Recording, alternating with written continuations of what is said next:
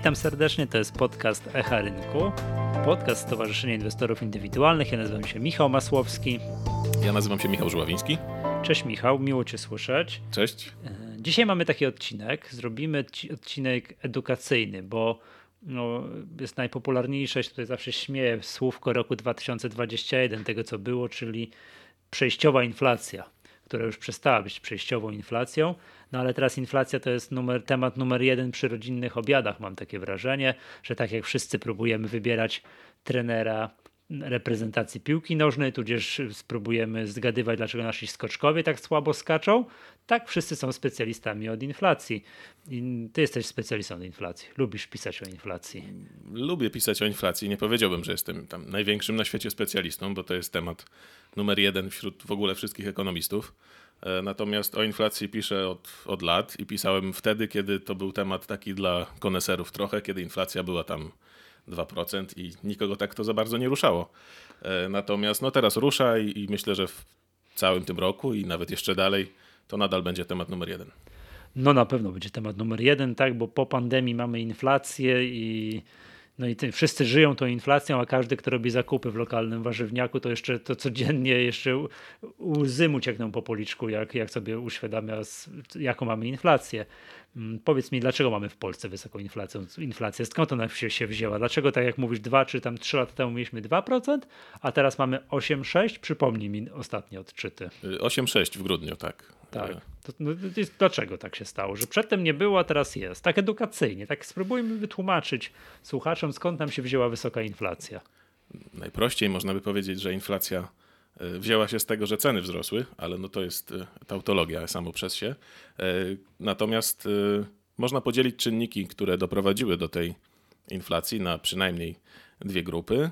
Możemy zacząć od tych zewnętrznych, jednorazowych, jak się wydawało do niedawna, E, czyli no na przykład ceny energii, które wzrosły wszędzie na całym świecie, mm, ropa naftowa, gaz. E, no nie jesteśmy producentem tych, e, tych surowców, więc je importujemy. No i w związku z tym, że są coraz droższe, a no nie za bardzo jest jak zastąpić ropę naftową, gaz, inne, mm, inne surowce, także żywność, no to, to importujemy te, te wyższe ceny. Do tego dołożyły się wynikające z pandemii zakłócenia w łańcuchach dostaw E, różnego rodzaju towary, głównie z Azji, mm, płynęły wolniej albo przestawały płynąć, bo gdzieś tam w Chinach zamknięto port przez, e, przez COVID. E, no i to wywołało te różnego rodzaju zaburzenia. Tutaj sztandarowym przykładem są, są te słynne mikrochipy, branża motoryzacyjna.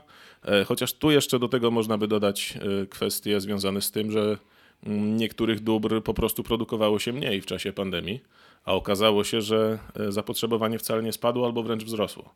Bo kiedy wybuchła pandemia, to no, był taki dominujący scenariusz, że oto przyjdzie krach, recesja. Że Ogromne będzie, spowolnienie. Tak, tak że będzie coś, coś strasznego, a mieliśmy dokładnie mm, odwrotność. Y, oto się okazało, że, że po tym jak ludziom też y, dosypano pieniędzy, e, to, to popyt wzrósł. Więc w różnego rodzaju branżach e, inflacja wynikała z tego, że wzrósł popyt, wzrosło po prostu zapotrzebowanie za którym nie nadążyła y, podaż. Mm, poza tym, y, także niektóre firmy, y, widząc co się dzieje z dostawami ich półproduktów, surowców, no po prostu robiły zakupy na, na, na zapas, tak? bo nie wiadomo, czy, czy będzie za miesiąc nie wiadomo, czy, czy nie wprowadzone zostaną jakieś restrykcje. Poza tym konkurent już kupił, a ja nie.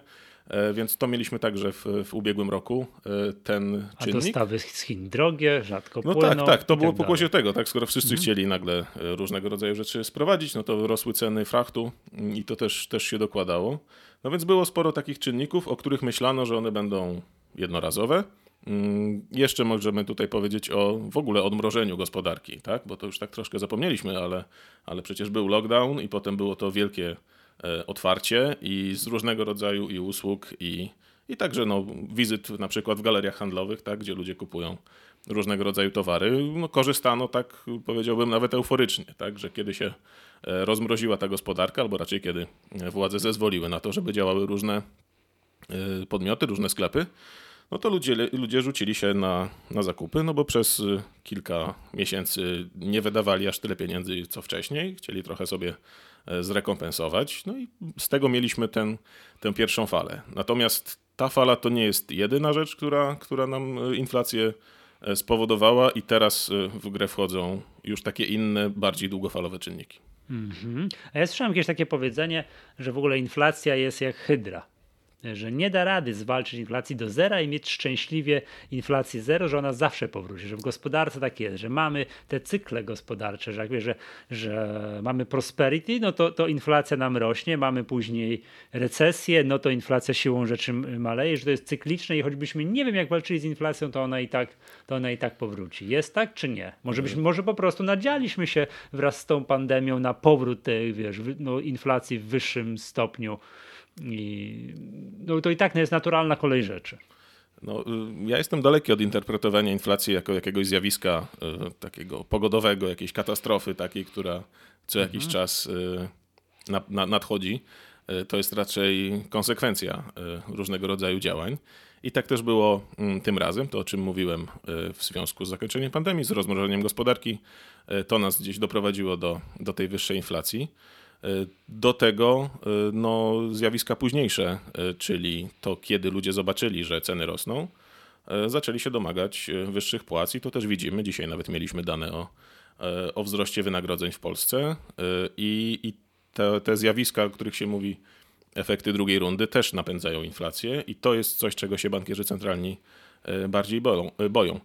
E, mówisz o hydrze. E, ja bym te, te, te, analogie widział troszeczkę inaczej, mianowicie tak, że e, no hydrze, kiedy odetniemy jeden łeb, to wyrastają dwa kolejne, więc kiedy rząd nawet jakimiś działaniami takimi punktowymi postara się gdzieś w jednym miejscu gospodarki inflację zdusić, no to ona gdzieś może wypłynąć innymi, innymi kanałami. Szczególnie jeżeli jest związana z tym, że no, sporo pieniądza się pojawiło na rynku, no to on znajdzie jakieś swoje ujście. A tak dokładnie było e, w ramach pandemii, kiedy no, oczywiście niedosłownie, ale, ale e, banki centralne drukowały miliardy dolarów, euro, złotych, wszystkiego, no i tych pieniędzy się zrobiło po prostu więcej. Tak, zaraz jeszcze wrócimy do tego, jak to tam się stało, ile nam to dosypano tych pieniędzy w gospodarce, że to jest faktycznie było, było ważne, ale jeszcze troszkę tej, tutaj pobawmy się jeszcze na wykład, wykład akademicki, tak troszeczkę teoretycznie, co to jest cel inflacyjny i dlaczego inflacja na poziomie 0 i dlaczego ona nie wynosi, ten cel inflacyjny nie wynosi 0%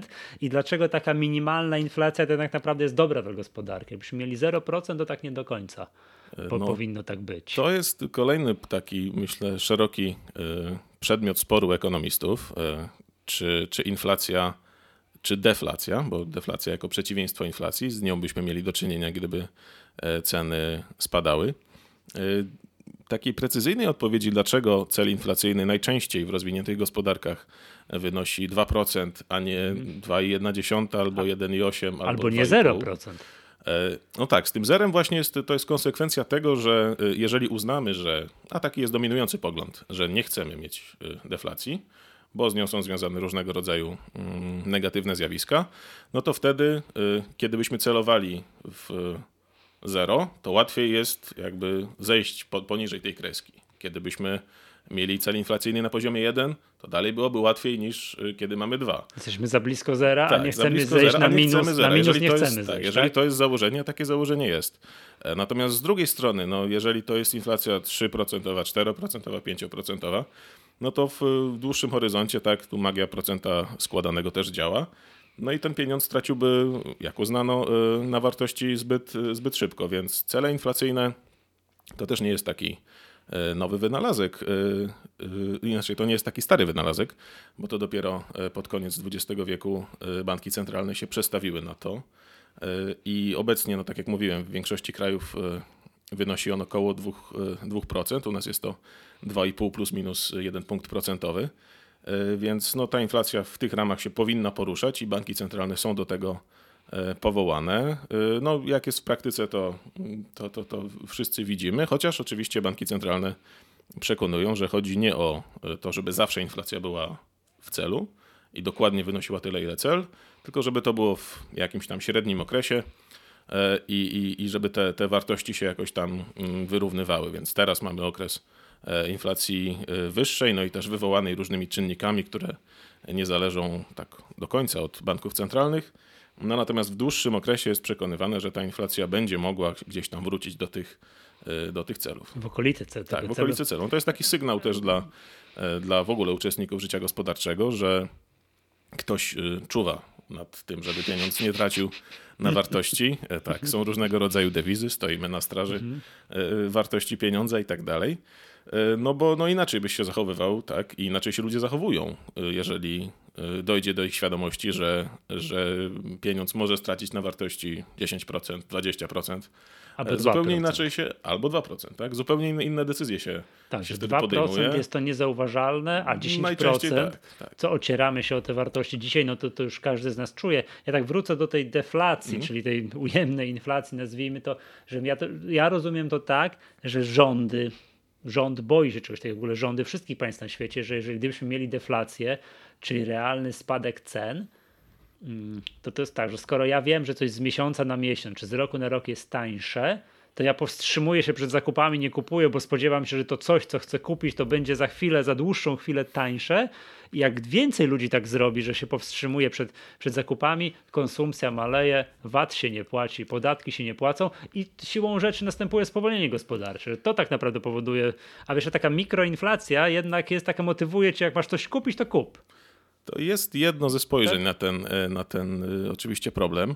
E, natomiast no, wiecznie konsumpcji odkładać i tak nie można, tak? Musisz kiedyś zjeść i twoje życie trwa jakiś tam określony Oczywiście, czas. Oczywiście, to bułki i masło to ja muszę no kupić, no tak, tak, ale tak. jakbym sobie chciał jakiś bajerek kupić do domu, tak? Jakieś coś, co mi niekoniecznie jest potrzebne do życia, że to nie jest moje takie dobro, nie wiesz, chleb dobro życia codziennego, prawda? Tylko, że mogę to kupić sobie, nie, a nową kanapę sobie kupię, mhm. prawda? Bajer do domu, bo przecież stara, stara się sypie, ale żona mówi tak dalej, jak ona by taniała, to ja bym jej powiedział, że jakby kupimy tę kanapę za pół roku, to się nic nie stanie. A jak ja widzę, że ona drożeje z, z miesiąca na miesiąc, no to ja pobiegłem, to, to może kupmy teraz, bo za miesiąc ona będzie, za rok będzie ona zdecydowanie droższa. No to, to jest jeden, tak jak mówiłem, właśnie ze sposobów patrzenia, ale no, e, podstawową kwestią jest to, czy cię stać na kanapę w ogóle, mhm. bo w, w takich końcowych końcowych fazach inflacji, takich już wręcz hiperinflacyjnych, to kupujesz co popadnie. To kupujesz właśnie dlatego, że coś będzie droższe. E, no a w, w jakichś tam niższych wartościach inflacji kupujesz, no bo to zaspokaja jakąś twoją potrzebę tak. i faktycznie nie masz tego bodźca, że coś będzie tańsze. Natomiast z deflacją jest jeszcze tak, że e, no na ogół lubimy jak ceny spadają, e, ale dopóki nie dotyczy to nas. Mianowicie naszych produktów, które my oferujemy. Naszego wynagrodzenia, no bo wynagrodzenie to też jest cena naszej pracy. Tak? Mhm. E, hipotetycznie no jest pewnego rodzaju taka też nawet psychologiczna sztywność płac, że ludzie no, nie godzą się na to, żeby ich płace spadły, chociaż gdybyśmy tak teoretycznie to rozważyli, gdyby wszystko dookoła potaniało o 10%, a twoja pensja by spadła o 5%, no to w sumie tak, jesteś do przodu. Ale tak. no, wolałbyś tak mieć to, co podpisałeś na umowie. Tak jest. E, nie, nie, nie chcesz się godzić z tym, żeby ci tutaj spadło wynagrodzenie. No i między innymi też dlatego e, tak właśnie jest. Wspomniałeś o rządach. No rządy też są e, no, beneficjentami inflacji na ogół, tak? No bo VAT, jak wspomniałeś, bo inflacja też e, no, jest korzystna dla dłużników. A kto jest największym dłużnikiem? No, państwa Państwo. współcześnie, tak? Więc... Aha, pożyczyli 1000 zł 5 lat temu, dzisiaj muszą oddać 1000 zł plus jakiś tam WIBOR, to te, te, te, ale nieważne, te 1000 zł dzisiaj to już nie jest to te same 1000 zł, co, no, co, co tak, 5 tak. No czy tam 10 tego, lat z temu. Z tego wynika też ten, ten taki pogląd, że państwa, które emitują własną walutę, to nie mogą w niej zbankrutować no i to jest oczywiście prawda, no bo tak. zapewnią tyle tego pieniądza, żeby wystarczyło na pokrycie tego długu. No tylko pytanie, co ten pieniądz będzie e, w stanie kupić. To jest właśnie druga kwestia. No a y, ta, ten rozdźwięk między wartościami nominalnymi i realnymi, no to jest właśnie clue problemu inflacyjnego, bo nie ma problemu, żebyśmy mhm. wszyscy zarabiali e, miliony złotych. Zresztą kiedyś e, takie już kwoty tak już w Polsce były. Tak? Oczywiście. Tak? mam nadzieję, że nie będzie no, powrotu takiego szybkiego, chociaż oczywiście gdyby tak produktywność każdy, wzrosła. Każdy no, by chciał, no, tylko niekoniecznie chciałby tego, żeby chleb tysiąc No właśnie, tak, tak, tak, dokładnie tak. No to, to, to, to jest właśnie ta, ta podstawowa kwestia, co można kupić za te za te pieniądze. Hmm. Powiedz mi, Michał, taką rzecz. Dlaczego tam do końcówki zeszłego roku yy, prezes Glapiński, tak prezes NBP, upierał się, że inflacja jest przejściowa i że czynnikami wpływającymi na inflację, to jest, to jest, on mówił wtedy, że to jest inflacja podażowa, a nie popytowa, a z nią się nie walczy podwyżkami stóp procentowych i tak dalej, i tak. I jaka jest w tym wszystkim rola banku centralnego? To jest to, o czym mówiłem na początku w narracji banków centralnych. Tutaj nawet troszkę obronię prezesa Glapińskiego, bo to nie tylko on takie miał zdanie. To dobrze, to też, bo wszyscy w mediach, przepraszam no, za sformułowanie, jeżdżą po nim jak po starej no, mi się kobyle. też zdarzało skrytykować, to też nie będę się tutaj wybielał. Natomiast... Tak, to będzie coś oryginalnego, że, że ktoś w mediach broni prezesa tak, Glapińskiego. Tak, po prostu wpiszę go w, szerszą, w szerszy tłum tutaj dobrze. bankierów centralnych, bo też najważniejszy bankier świata Jerome Powell z Rezerwy Federalnej, z amerykańskiego banku centralnego, zrobił dokładnie taką samą woltę jak mhm. E, prezes Glapiński. E, no więc najpierw uważano, że to są te czynniki jednorazowe, że energia, że odmrożenie gospodarki, tak, że to, to minie, nie ma co e, podnosić stóp procentowych, tym bardziej, że no, w narracji banków centralnych dominowało też to, że no nie wiemy jak z tą pandemią będzie, że jakiś nowy wariant, że trzeba ostrożnie. Generalnie jest tak, że kiedy przychodzi do zmiany stóp procentowych, no to, to też widzieliśmy w tym pandemicznym kryzysie. E, kiedy trzeba obniżać stopy procentowe, to nie ma wielkich dywagacji. Po prostu się mówi, że trzeba obniżyć stopy procentowe, bo gospodarka zapaść, się wali. Tak, bo zapaść, tak. kryzys i tak mhm. dalej. I te, te cięcia stóp są raczej no, takie szybkie, dynamiczne. A kiedy przychodzi do podnoszenia stóp procentowych, no to się zaczyna takie dzielenie włosa na czworo, czy nie za szybko, czy nie zdusimy wzrostu i tak dalej, i tak dalej. E, no więc tak było też w Polsce. Zmiana zdania, o której mówiłeś, wynikała właśnie z tego, że no inflacja, e, która miała być przejściowa, nie zanosiło się, że spadnie, a wraz z tym, że nie zanosiło się, że spadnie, zaczęły się pojawiać te efekty no właśnie tej, tej drugiej rundy, czyli już nie tylko e, jest droższa e, benzyna, nie tylko jest droższy gaz, nie tylko jest jakieś podwyżki w sklepach. Czemu żelazny przykład rowery. Rowery. A rowery to też podażowo, tak? No bo tam z Azji był problem. Tak, no to, to jest właśnie to. Czyli, czyli tak. podrożało wszystko to, co musiało płynąć gdzieś tam z tak, Chin, tak, tak, tak, a, tak, a stał jakiś y- tam statek w poprzek w kanale Suezkim, y- tak? Zabrakło, I to wszystko nie dało rady dojechać, w związku z tym jest droższe, bo tego nie ma. Tak. Moja osobista anegdota jest taka, że wymieniałem łańcuch w rowerze i okazało się, że tam właśnie z Chin nie dopłynęły te łańcuchy i mhm. są niedobory łańcuchów na rynku europejskim, więc przez problemy z łańcuchami dostaw się pojawił problem z łańcuchami rowerowymi. E, no więc właśnie, myślano, że to wszystko się tak, no bo przecież wiecznie nie będą te porty zamknięte, mhm. ktoś kiedyś to jakoś odblokuje. Okazało się, że nie. Przepraszam, i to są te czynniki podażowe. Tak, tak, tak? To, były te, to były te podażowe. Natomiast Jest. potem weszła do gry ta, ta już dalsza inflacja, kiedy, kiedy ludzie, no, y, widząc, że wszystko drożeje, zaczęli myśleć, że dalej będzie drożało. No, w związku z tym pogorszy się ich y, stopa życiowa. To, y, czyli zaczęły się żądania, żądania płacowe też się zaczęły, no bo też y, była do tego przestrzeń, tak? Kiedy ktoś może więcej zarobić, to, to stara się to zrobić, a też no nie ukrywajmy, że rosnące koszty są jakimś takim bodźcem do tego, żeby pójść do tego szefa, powiedzieć, że no tu mi wzrosło, tu wzrosło, tu, tu płacę więcej, więc no ja też chcę zarabiać więcej. A czekaj, czy ja dobrze rozumiem, ten efekt drugiej rundy, bardzo mi się podoba sformułowanie, przyznam się szczerze, szczerze, że nie znałem tego wcześniej, to już jest to, to co powiedziałeś, że ceny rosną, w związku z tym ja też wydaję więcej, bo kupię sobie na zapas, a jak tak pomyślą wszyscy, to wszyscy zaczynają tak robić, to ceny jeszcze tym bardziej rosną, to w związku z tym uruchamia się coś takiego, co ja znam pod nazwą spirala ta płacowo-cenowa. I no tak, idziemy tak. do szefa po podwyżkę, no bo przecież to wszystko kosztuje więcej, panie prezesie, ja też chcę w związku z tym zarabiać więcej. Tak, jak albo wszyscy tak podnosimy zrobią, ceny swoich produktów, tak, tak, czy usług. To jest jakby jedna rzecz, a druga rzecz, już ludzie w umysłach, mam wrażenie, ak zaczynają akceptować wyższe ceny. Po prostu skoro widzą, że ta pizza zawsze kosztowała 20 zł, a teraz 25, ale wszyscy to kupują, ona już tak została, to nie jest na chwilę, to ja już też akceptuję te ceny, też płacę, a producenci pizzy widzą, wszyscy płacą, wszyscy kupują, to ja też zachowam te ceny, tu się nic nie dzieje. To konkurenci podnieśli, są u nich klienci, ja też podnoszę, bo to znaczy, że tak, bo znaczy, że można, klienci zaakceptowali po prostu wyższe ceny. Y, tak, myślę, że z tym zjawiskiem mamy do czynienia y, teraz w Polsce. Mm, tak jak mówisz, y, no, jest taki pewien moment szoku, y, kiedy zaczyna ta wyższa inflacja y, nas, nas gnębić. A potem no, no jest, jest, ale no możemy się do tego jakoś tam przyzwyczaić. No i podstawowe pytanie jest wtedy, dlaczego firmy na przykład podnoszą ceny swoich wyrobów, bo mogą. Tak, mhm. w, w każdych warunkach chciałyby podnieść ceny, tak samo jak każdy pracownik chciałby więcej zarabiać, no ale może się spotkać z tym, że a, nie znajdzie na rynku Popyt nabywcy tak, tak, na, na, mhm. na swoje tam wyroby czy, czy usługi, więc tego nie robi. Kiedy y, jakby jest, y, jest takie przeświadczenie, że no wszystko drożeje, no to, to niektórzy oczywiście starają się wziąć na siebie część tych, y, część tych nawet kosztów, tak, zejść z marży, bo może będę miał większy udział w rynku i tak dalej. To do pewnego momentu trwa. Też były takie opracowania w ogóle globalnie, że no niektórzy, że, że, że na przykład pod koniec tamtego roku jeszcze to e, gdzieś tam niektóre ceny trzymało, ale no po nowym roku, tak, zmiany cenników i tak dalej, że no już teraz musimy, bo wszyscy podnieśli i te, teraz to nasz, nasz udział jakby nasza rentowność Tak, ale i tak ład, ładnie mówią, a prawda jest też taka, że taka nawet podświadomie, że to jest to z tym producentami, mój przykład z producentami pizzy, że skoro patrzą wszyscy, że konkurenci podnoszą i popyt nie spada, to ja też podniosę, bo mogę. Tak, tak, tak. No, no. Y, więc to z tym mieliśmy, mieliśmy do czynienia. No i kluczowe są też y, po pierwsze y, oczekiwania inflacyjne, mhm. tak? czyli te oczekiwania inflacyjne dotyczące tego, jak sądzimy, że ceny wzrosną. I one w Polsce są teraz no, wysokie, doczekały się sporego wzrostu.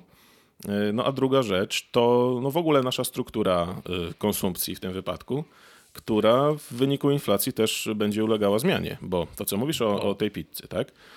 Kiedy mm, jeszcze jest względnie wszystko ok, zaczyna drożeć to, tamto, wamto, no to widzisz, że twoja ulubiona pizza podrożała tam, nie wiem, o 2 zł, o 5 zł, coś takiego. Natomiast kiedy i, i ten y, tak, właściciel tej pizzerii zarobi więcej, sprzeda podobnie, zarobi więcej. Natomiast kiedy wszystko dookoła zaczyna rosnąć y, w cenach, to gdzieś jest taki próg bólu, kiedy mówisz sobie, nie no, na pizzę już mnie nie stać. Dokładnie. Tak? I wtedy y, to, co firmy mogą przerzucić na klienta, no mogą do pewnego czasu do pewnego momentu i gdzieś jest ten próg bólu, kiedy klient mówi nie, no nie, tak, nie, nie jadę na wakacje w tym roku, Coraz nie kupuję. większą część społeczeństwa tak, tak przestaje tak być stać tak, na pizzę, na tak. wyjście do kina, na ekstra wakacje i tak dalej, i tak dalej. No to ale to już jest, wtedy już jesteśmy za blisko recesji. Wtedy zakładam, że ceny przestają rosnąć i inflacja powoli nam hamuje. To zaraz cię zadam, zadam ci pytanie, kiedy, kiedy to się dzieje, ale wrócę do poprzedniego pytania, że jak się walczy z inflacją i Mm, jaka jest tym wszystkim rola banku centralnego? Okej, okay, no to podstawowym narzędziem banku centralnego y, są stopy procentowe, y, które wraz z jakby taką rozpoczęciem walki z inflacją powinny wzrastać. Jest kwestia tego, jak szybko, tak, bo to jeżeli inflacja rośnie szybko, a stopy rosną symbolicznie, no to to nie jest jeszcze najlepszy e, środek, ale no... Przepraszam, zadam pytanie jak pięciolatek. A dlaczego powinny wzrastać? Bo co? E, stopy procentowe, czyli tak mówiąc inaczej, cena pieniądza, e, mhm. mogą determinować to, no jak, i, i, i, jak drogi jest ten pieniądz, czyli czy opłaca się zaciągnąć kredyt na mhm. cokolwiek, konsumpcyjny, inwestycyjny, tak, żeby coś kupić i no, albo to skonsumować, albo potem na tym zarobić. W, raz z uruchamianiem mm, kolejnych kredytów przybywa nam pieniędzy. To nie jest tak, że gospodarujemy w gospodarce tym samym zasobem pieniądza, tylko pieniądz jest sukcesywnie tworzony i on się tworzy właśnie w ramach e, akcji kredytowej, co jest e, proinflacyjne. Tak? Bo jeżeli e, wziąłbyś, poszedłbyś dzisiaj do banku, wziął kredyt na, nie wiem co, rower, jak powiedziałeś, to, to tych pieniędzy przed chwilą jeszcze nie było, a nagle oto powstały. Podoba mi się i, przykład. Tak, i, I możesz kupić rower. No, potem oczywiście powstało też zobowiązanie, musisz je spłacać i tak dalej, i tak dalej. Mm, więc y, utrudnianie dostępu na przykład do kredytu, y, jak również czynienie kredytów o zmiennej stopie droższymi, sprawia, że jest no, mniej pieniędzy na, na różnego rodzaju konsumpcyjne ja działania. Rozumiem, że jak będzie wyższa stopa procentowa, to ja jako Michał Masłowski no, nie wezmę tej pożyczki czy czegoś tam na rower, a w skali makro duże przedsiębiorstwo nie zaciągnie kredytu na dużą inwestycję, bo ten kredyt okaże się za drogi, bo, bo tam jest WIBOR plus marża i ten WIBOR zaczyna za dużo już tam. No tak, no, no na przykład jest y, wiele różnych, w tym, w tym równaniu. różnych mhm. przedsięwzięć, które przy niskich, a wręcz zerowych stopach procentowych, jak mieliśmy w ostatniej dekadzie, były jakoś tam opłacalne, no ale gdyby do nich przyłożyć do tych modeli według których obliczano ich rentowność e, stopy procentowe wyższe, takie jak były przed tym poprzednim kryzysem, e, no to okazałoby się, że no to na, na dłuższą metę nie ma, nie ma sensu. E, Przepraszam, czy jeszcze jeden efekt mi się przypomniał, o którym już zdążyliśmy przez ostatnie 5 lat zapomnieć. Jak wzrosną stopy procentowe, to może jakieś oprocentowanie lokat w banku się w końcu pojawi i, i ludzie sobie wiesz, do tej pory nie było praktycznie lokat sensownych, albo były tam na 0,1%, no to nikt nie, no nie zakładał no tych tak, lokat. Tak. Jak pojawią się 2, 3, 4% lokaty, to może ktoś tam jednak założy lokata, a nie pójdzie i nie wyda.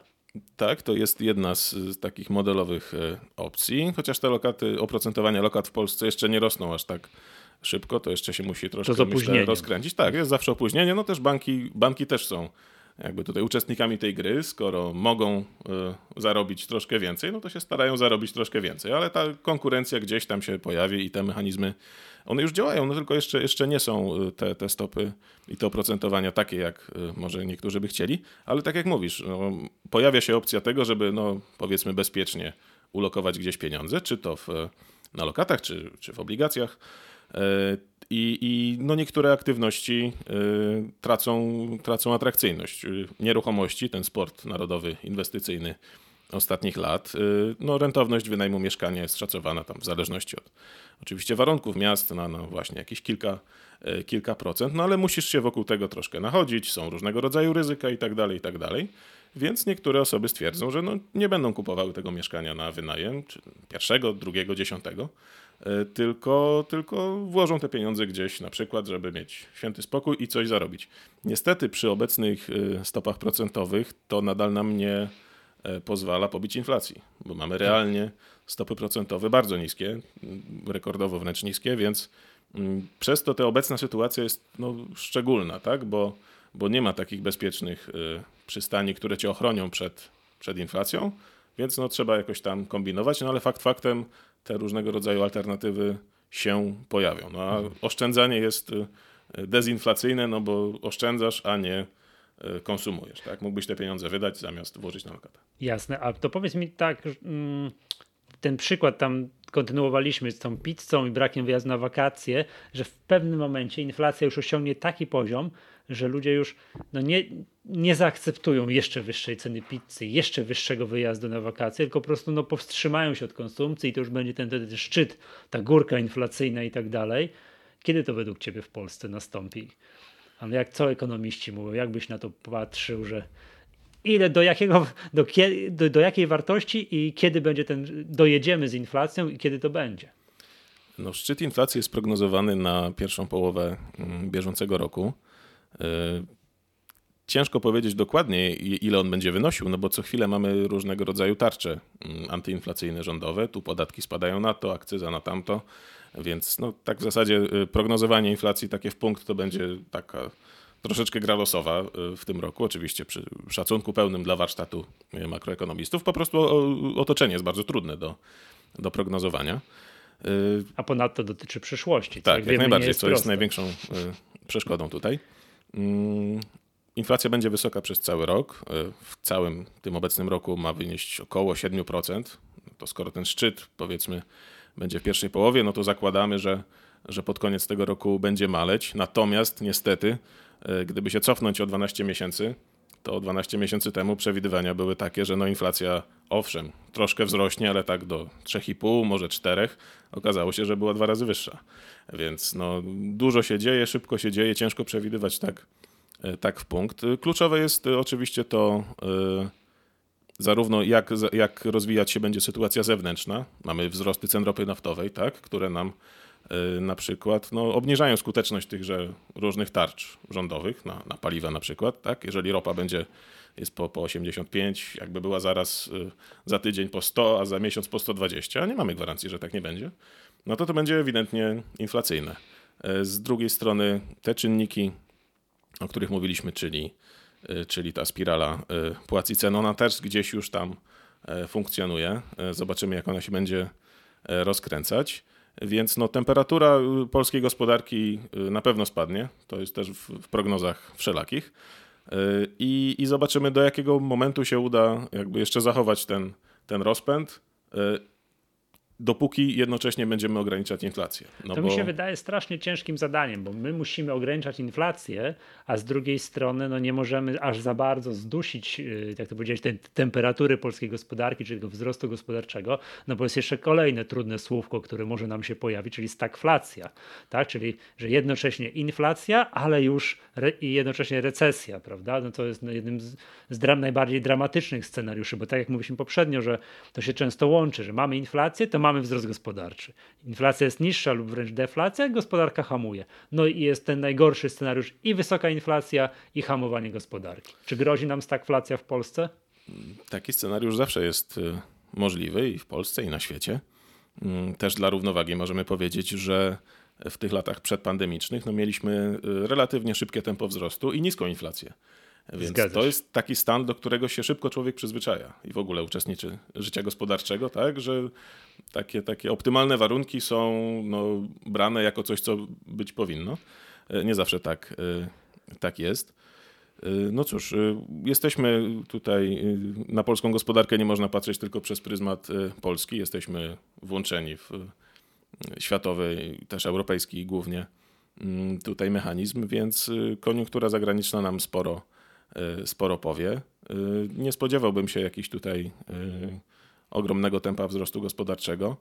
E, natomiast czy ryzyko, mm, czy ryzyko stagflacji, może być to nawet y, wręcz recesja połączona z, e, z jakimś tam jeszcze, jeszcze wysoką inflacją, to myślę, że, że wyrokować ciężko i, i no, w, tym obecnym pandemicznym cyklu dużo się dzieje i szybko się dzieje. Te, te kolejne fazy nawet cyklu koniunkturalnego są bardzo, bardzo krótkie i bardzo takie ściśnięte, powiedziałbym. Mhm. Coś, co kiedyś trwało kilka kwartałów, to teraz się właśnie zamyka w E, w kwartale, tak jak właśnie no, pod koniec jeszcze tamtego roku e, dopiero zaczynaliśmy podwyżki stóp procentowych. Teraz jest kwestia, czy dojedziemy do 4, a może 4,5, a może jeszcze więcej.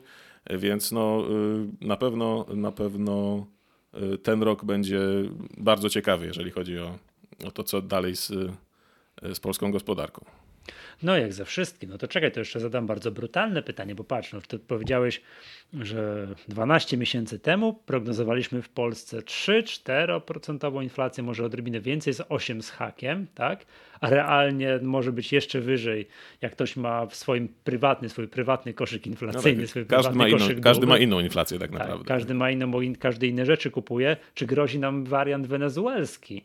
Albo może też tak zupełnie, bo to dodam, kiedy powinniśmy zacząć się bać? Przy jakiej inflacji? Bo teraz te 8% jest, no i co się dzieje? No nic się nie dzieje specjalnego, tak?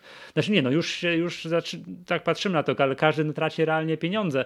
Kiedy, jaka inflacja przy jakim poziomie już jest groźna tak dla gospodarki? 10%? 15%? Kiedy to się może rozpędzić już do takich wartości, że już żaden bank centralny żadnymi podwyżkami stóp procentowych nie będzie w stanie tego zatrzymać? punktowe odczyty, tak jak mówiłeś, no one mają swoją, swoją magię, tak? No bo jeżeli wybijemy 10% y, inflacji w tym roku, to podejrzewam, że będzie pewnego rodzaju efekt taki psychologiczny, tak? tak bo 10% brzmi groźniej niż 9,5, chociaż no tak nie ma to wielkiej różnicy, szczególnie w tym indywidualnym tutaj ujęciu, gdzie te nasze koszyki inflacyjne mogą się bardzo różnić. Y, ważny myślę jest no, trend i to, to czy będzie w ogóle na horyzoncie jakiś trend spadkowy, czy, czy mechanizmy polityki monetarnej, które, no, tak jak się mówi, działają w jakimś tam horyzoncie 6-8 kwartałów, to nie jest tak natychmiast y, e, wszystko się nie dzieje. Mm, czy one zadziałają? No, liczymy, że zadziałają. I oczywiście liczymy, że y, przed nami kolejne podwyżki stóp procentowych, przed nami kolejne też jakieś działania rządu. Więc moment, w którym Polacy uznają, że inflacja rośnie i będzie tylko dalej rosła, no to jest, to jest właśnie kwestia tych oczekiwań inflacyjnych. Kiedy zauważysz, że nawet jeżeli to będzie inflacja, nie wiem, 10%, ale będzie wiara w to, że ktoś jest, czuwa, yy, będzie w stanie sprowadzić tę inflację w jakieś tam ryzy, yy, no to, to, to myślę, że jeszcze, jeszcze, jeszcze będzie ok. Tak? Natomiast jeżeli się okaże, że, i tu mówię czysto hipotetycznie, że nie udaje się tej inflacji zdusić, a tak jak w wielu różnych krajach e, sposobem na inflację, jakieś tam udobruchanie społeczeństwa było rozdawanie pieniędzy, tak, drukowanie kolejnych pieniędzy, żeby ci ludzie mieli czym zapłacić za coraz droższe rzeczy. No to jest taki mechanizm, w trakcie którego już się można. A to się nie dzieje bać. w Polsce teraz? E, no mamy te tarcze, tarcze antyinflacyjne, w ramach których są pewnego rodzaju transfery. Nie da się ukryć, do tego jeszcze dochodzi nowy ład, więc no jest bardzo tutaj mam wrażenie, że nikt do końca nie wie, ile zarabia. Przepraszam, że w hum humoru tutaj y, natknąłem się na mema, który mówi, że tarcza antyinflacyjna to nie jest najlepsza nazwa, bo tarcza pokazuje, że jesteśmy w defensywie, że bronimy się przed czymś, że dzida antyinflacyjna byłaby o wiele lepszym sformułowaniem. Można tak powiedzieć, aczkolwiek no, dzida, na, dzida na wykresie inflacji to byłoby też no, no coś, coś, gorszego, więc może to. No właśnie, ale no to właśnie, czy, czy w Polsce teraz no, nie mamy czasem takich efektów, że właśnie próbuje się gasić y, Y, ogień benzyną, że nie dosypu... Dobrze wiemy, że już że dosypywanie pieniędzy do gospodarki powoduje wzrost inflacji prędzej czy później, tak? Że tarcze dawane nam półtora roku temu dzisiaj Yy, dobrze mówię, dobrze, półtora roku temu. Dzisiaj skutkują bardzo wysoką inflacją, bo ludzie po prostu poszli i wydali te pieniądze.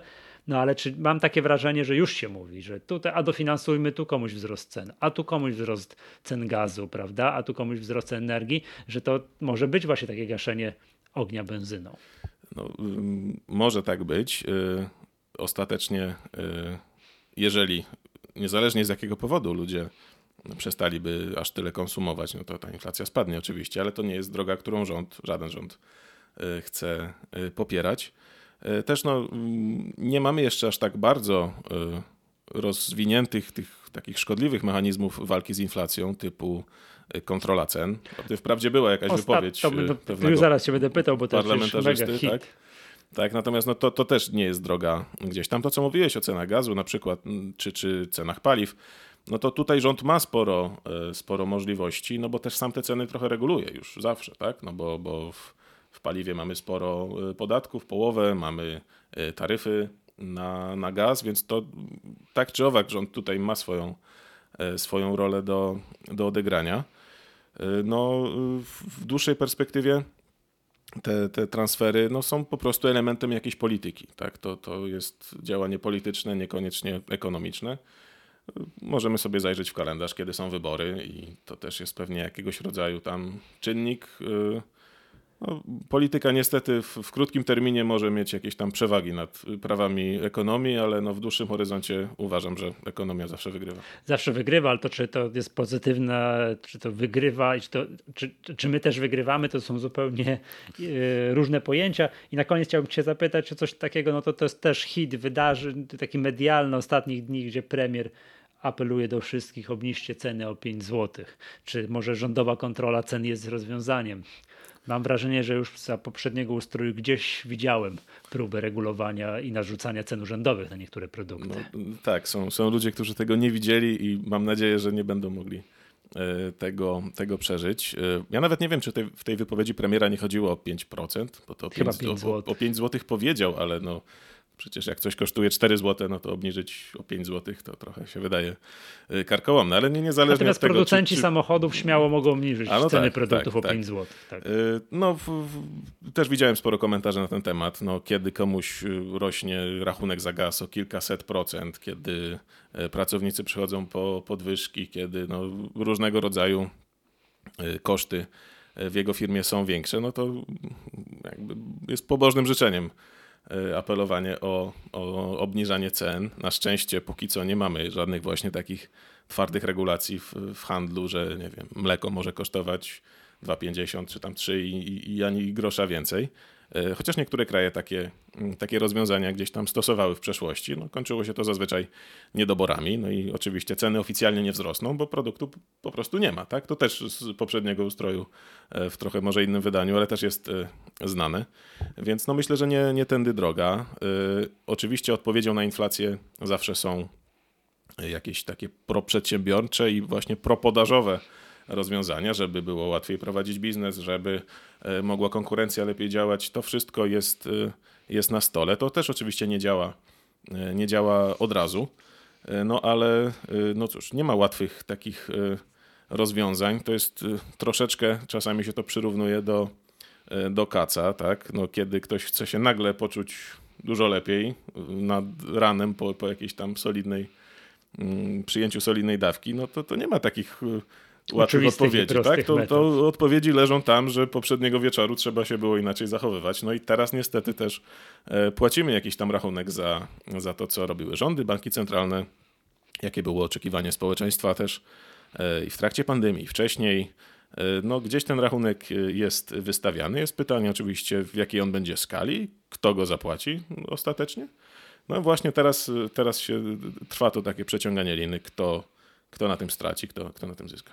Dobrze, Michał, bardzo serdecznie dziękuję. To, drodzy słuchacze, napiszcie do nas, jakbyście chcieli posłuchać nagrania o jakimś innym tutaj problemie gospodarczo-giełdowym, który, który może, który tutaj nas, inwestorów dotyka, bo Michał, nie zadałem Ci najważniejszego pytania, e, ale też wspominałeś o tym, że w co inwestować w czasach wysokiej inflacji, bo gdy mamy tę inflację 8-9%, no to trudno sobie wyobrazić jakiekolwiek inwestycje, które które mogą być tutaj remedium na tak wysoką inflację, jak ochronić nasze pieniądze w czasach inflacji. Mam wrażenie, że jesteśmy w takich czasach, że my teraz walczymy o to, żeby jak najmniej stracić realnie, a nie to, żeby inwestować i pobijać inflację. Zgodzę się z tym, że czasy są no, trudne. Wymagające. Tak, y, to też jest dobre słowo. Mm, no, szczególnie kiedy ktoś nie ma wysokiej tolerancji na ryzyko i, i w normalnych czasach chciałby zarobić te kilka procent i byłby, byłby szczęśliwy, no to teraz 5%, y, mhm. co przez 30 lat nie jest złym wynikiem przecież, y, no to teraz mu to nie, nie, niekoniecznie mm, coś da.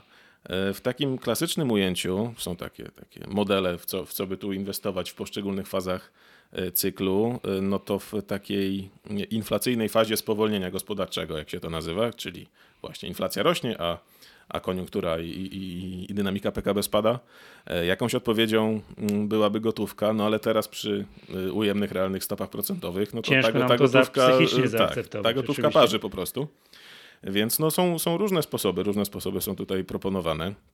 Oczywiście niektóre spółki będą w stanie i tę inflację przetrzymać, będą w stanie przerzucić koszty na, na klientów, więc to jest jakieś zawsze rozwiązanie. No, różnego rodzaju też są w tym kierunku rekomendacje, tak? Może jakaś rotacja następuje właśnie między, między value a, a growth, tak? Mieliśmy ostatnią dekadę spółek wzrostowych, no to im e, wyższe stopy procentowe na przykład niekoniecznie teraz e, pomogą i, i, i taki no, obniżające się, obniżająca się temperatura gospodarki, więc może jest czas na, na inne spółki. Mm, no i jeżeli mówi się o inflacji, no to bardzo często tak, w, którymś, w którymś momencie e, padnie złoto.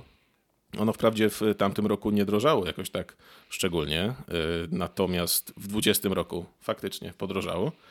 I też jeżeli chodzi o złoto na przykład, e, co do którego no są jakieś tam optymistyczne nawet prognozy na ten rok, to, to radziłbym na nie patrzeć nie tylko przez pryzmat y, dolarowy, jak to najczęściej gdzieś tam sobie wpiszemy cena złota, to nam wyskoczy w dolarach, ale no w, w naszej walucie krajowej, w tym wypadku w złotym. I tutaj jesteśmy już y, gdzieś tam blisko szczytów, a, a no jeżeli byłoby gorzej, no to, to też będzie windować cenę złota. Ja sobie myślę, że gdzieś tam w Turcji y, czy, czy w innym kraju siedzi jakiś człowiek, który nie wiem, rok temu widział, że złoto jest najdroższe w historii i mówi, nie no, poczekam, tak, przecież nie, nie podrożeje i tak dalej. No i dzisiaj żałuję, że nie kupił. Tak, więc, bo gdyby wtedy kupił, tak, to by tak, ochroni, tak by ochronił to choć, choć część tak, majątku. Dokładnie tak, tak. No więc to... no, y, w zależności od tego, jakiej się inflacji spodziewamy i oczywiście jaka jest nasza tolerancja ryzyka, no to tutaj różne decyzje można, y, można podejmować. Natomiast no, łatwo nie jest i łatwych recept y, w tym momencie nie ma. Tym bardziej, że na przykład rządowe obligacje indeksowane inflacją, które były w ostatnich latach sporym, cieszyły się sporą popularnością. Oczywiście jak na no, inwestujący procent polskiego społeczeństwa, tak? no bo to trzeba w, w tych kategoriach patrzeć, ale no tutaj rząd niestety nie, nie, nie wyciąga ręki do, do oszczędzających, bo e, oprocentowanie tych obligacji, mimo że stopy procentowe wzrosły, no to jeszcze nie wzrosło. Tak? Jeszcze jest trzymane na starym poziomie. No, można też powiedzieć na to tak, że że skoro Ministerstwo Finansów widzi, że obligacje się sprzedają, no to nie będzie jakby dawało lepszych warunków. Prawo aczkolwiek, no, tak, aczkolwiek ja bym tu widział, no było, nie było, jest to pewnego rodzaju monopolista, tak? No nie mamy innego państwa mhm. polskiego, które emituje obligacje. E, no to, to byłoby jakiś tam taka, taki ukłon w kierunku tych, którzy nie chcą e, wszystkiego wydać, bo zaraz wszystko będzie droższe, tylko chcą coś zaoszczędzić. Nie wiem, nie, niebawem poznamy e, cennik na na kolejny miesiąc. Może coś się w, tej, w tym zakresie ruszy. Ja ci powiem tak, już tutaj na zakończenie, żeby tu jakiegoś optymizmu trochę wlać. Hmm, oczywiście, tak jak tu powiedzieliśmy sobie, że no, otoczenie rynkowe przy 8-9% inflacji jest wymagające i tak zapowiada się, że to szybko nie spadnie, to jak tak z kolei spojrzę na taki bardzo długi termin, typu stuletni, tak, to rynki akcji są zawsze dobrą odpowiedzią na, na inflację, bo skoro rosną ceny, to przedsiębiorstwa zarabiają więcej, to one na samym końcu są więcej warte. Ok, w ujęciu realnym to może być nawet tyle samo, ale one w bardzo długim terminie dadzą, na, na, na, dadzą nam jakąś ochronę przed inflacją. W krótkim terminie to jest oczywiście nieprognozowalne w żaden sposób, no ale takim powiedzmy sobie kilkudziesięcioletnim terminie to rynki akcji sobie z inflacją zawsze, zawsze dobrze, dobrze radziły. No tak, no pod warunkiem, że ta inflacja jakoś nam nie zrujnuje y, społeczeństwa i nie zrujnuje y, gospodarki. Kraje takie jak na przykład Argentyna albo Wenezuela, dzisiaj się kojarzące właśnie z wysoką inflacją, kiedyś były całkiem dobrze rozwinięte. Tak? I to, Tak. to zawsze ten scenariusz gdzieś tam może majaczyć. No mam nadzieję, że tak nie będzie i wolałbym y, podzielić ten, ten przykład amerykański, gdzie no, sukces tak gospodarczy, tak, Mhm. giełda, tam, że tak powiem, nikt nie myśli o też likwidacji giełdy amerykańskiej, więc ten wzrost y, taki organiczny w, w długim terminie zawsze jest. No i, no i tylko pytanie, ile sobie możemy w danym momencie pozwolić, żeby, żeby mieć tych akcji. Tak? Warren Buffett mówi o, o inwestowaniu w, w horyzoncie nieskończoności. No, każdy ma tam swój, y, swoją perspektywę. Dobrze, dziękuję serdecznie. To był podcast Echa Rynku i nazywam się Michał Masłowski. Michał Żuławiński. Do usłyszenia następnym razem.